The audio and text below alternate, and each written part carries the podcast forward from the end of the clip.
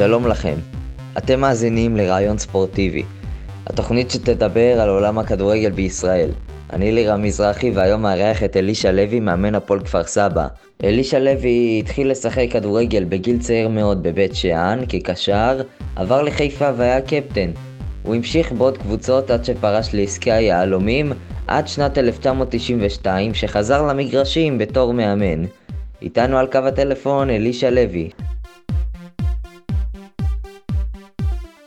אלישע לוי, אני רוצה לפתוח את הרעיון איתך בהתחלה שלך כנער, שמפלס את דרכו בכדורגל ועולה לאט לאט עד למקומות הכי גבוהים. מה ריתק אותך במשחק הזה שהקדשת לו את כל הזמן שלך? אני חושב שמאז שאני זוכר את עצמי, ואני מדבר איתך, ואני מדבר על גיל עשר, כאילו, נתתי מתנה, אני זוכר, כדור, וכדור היה איתי כל הזמן. גם כשהייתי הולך לבית הספר,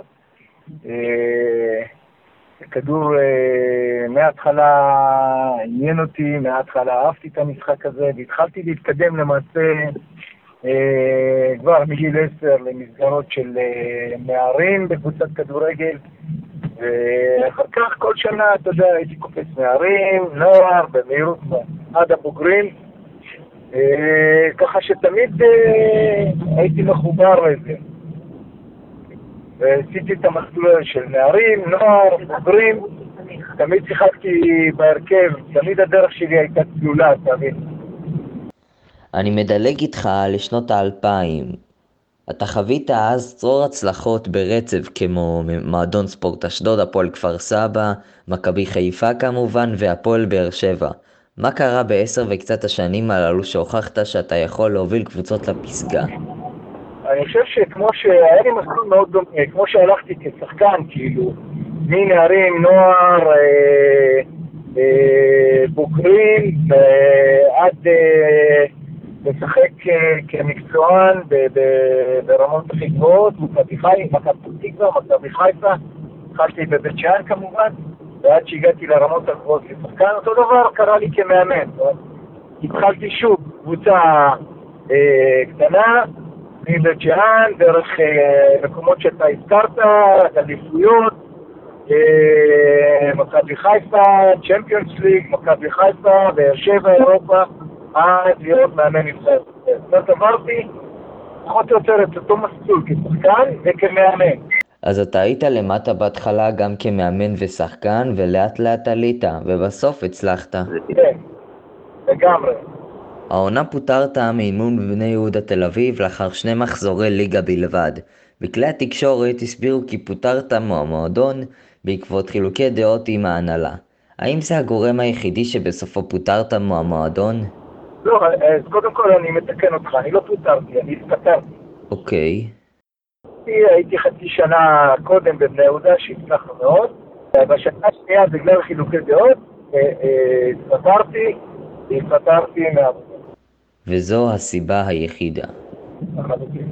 בתחילת העונה עוד כשהיית בבני יהודה תל אביב הייתם עם 4 נקודות מתוך 6 אפשריות. השגתם תוצאה יפה מאוד, 3-0 לסכנין בחוץ ו-2-2 עם האלופה מכבי תל אביב. מאז שעזבת אומנם הקבוצה השיגה ניצחונות אבל לא ניצחונות מרשימים שהבליטו את בני יהודה במשחקים. האם אתה חושב שהיה לך חיבור כזה טוב עם השחקנים שבלעדיך הם שיחקו פחות טוב? קודם כל היה לי חיבור מצוין, אנחנו באמת אה, פתחנו את העונה בצורה טובה.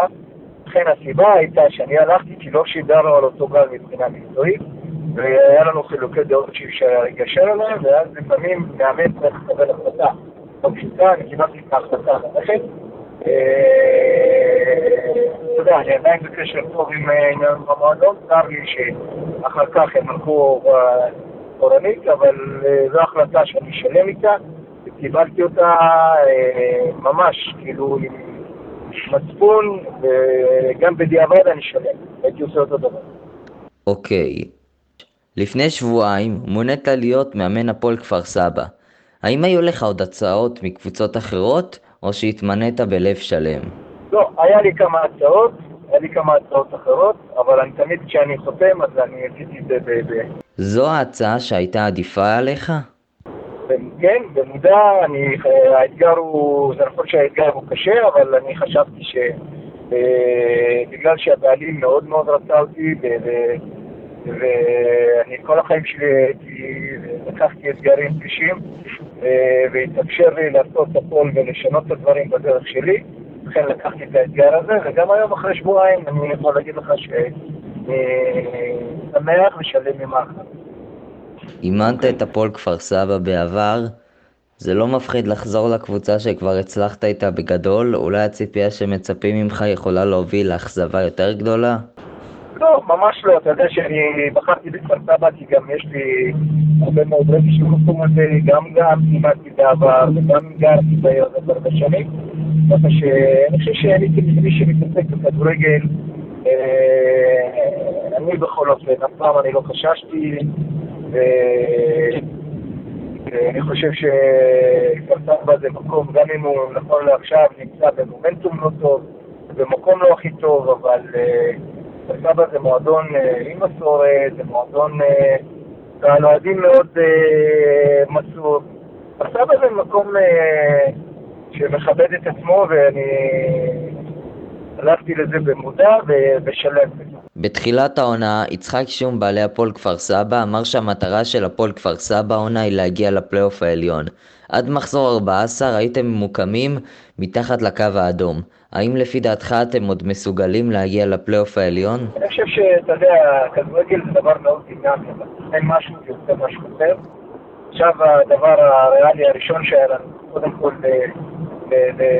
להיכנס, להתייצב, עשינו תיקו נגד הפועל תל אביב, ניצחנו את מכבי פתח תקווה, התקדמנו מקום אחד, יש לנו את המטרה הראשונית להתקדם במעלה הטבלה, אחר כך בטווח הארוך, אחר שאני מקווה שאנחנו עושים קצת שינויים וחידדנו את הקבוצה, ולשים מטרה שנייה. אנחנו נמצאים כרגע בתקופת ההעברות של אמצע העונה. מה אתם מתכוונים לעשות בתקופה הזאת, בהפועל כפר סבא? להביא שחקנים, לשחרר? כן, אנחנו גם במקביל, גם רוצים אה, לשדרג את הסגל, לשחרר וגם להביא. נכון לעכשיו אנחנו הבאנו רק אה, קשר אה, מספר 6 מבחינת התפקיד שלו ליטאי. בינואר זה לא קל להביא שחקנים, אנחנו רוצים להביא שחקנים בהרכב וכאלה שמשחקים, זה לא פשוט. אבל זו המטרה שלנו, בסופו של דבר, לשחרר ארבעה חמישה, להביא ארבעה חמישה. אני חוזר איתך רגע אחורה, בין השנים 2016 עד 2017 אימנת את נבחרת ישראל בכדורגל במסגרת קמפיין מוקדמות מונדיאל 2018.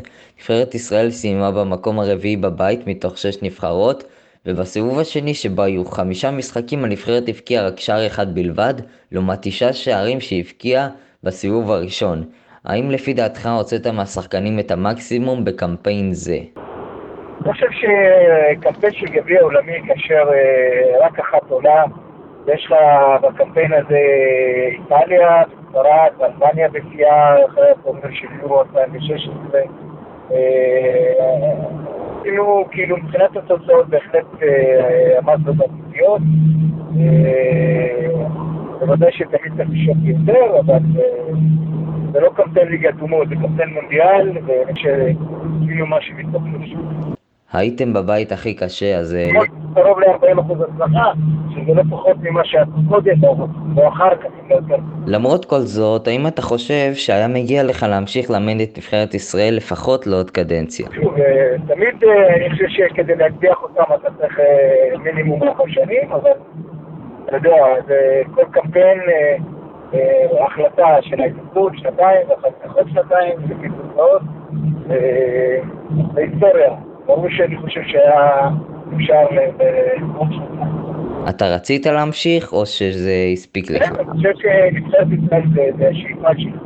כל מאמן הייתה לי את הזכות, כמה מאמן נבחרת הייתה לי את הזכות לעבוד ולהיות מאמן ישראל. מן הסתם, מאוד רציתי, אבל אני מקבל כל החלטה הלאה.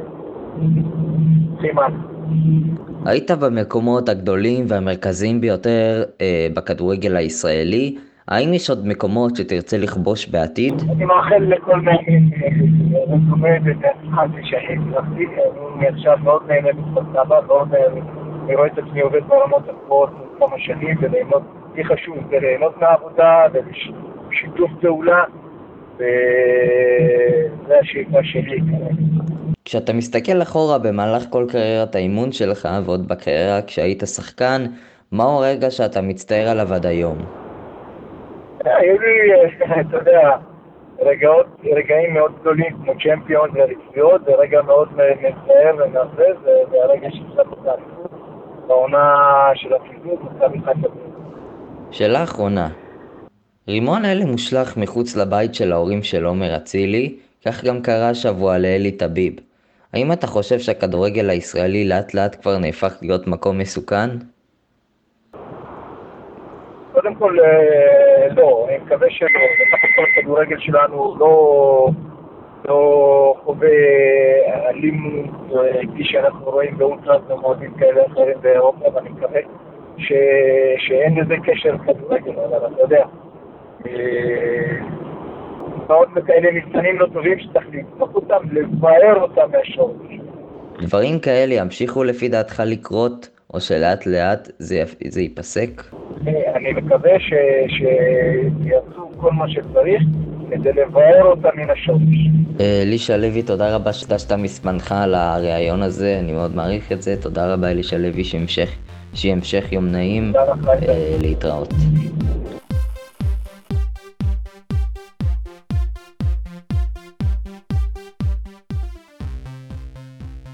עד כאן הפודקאסט שלי.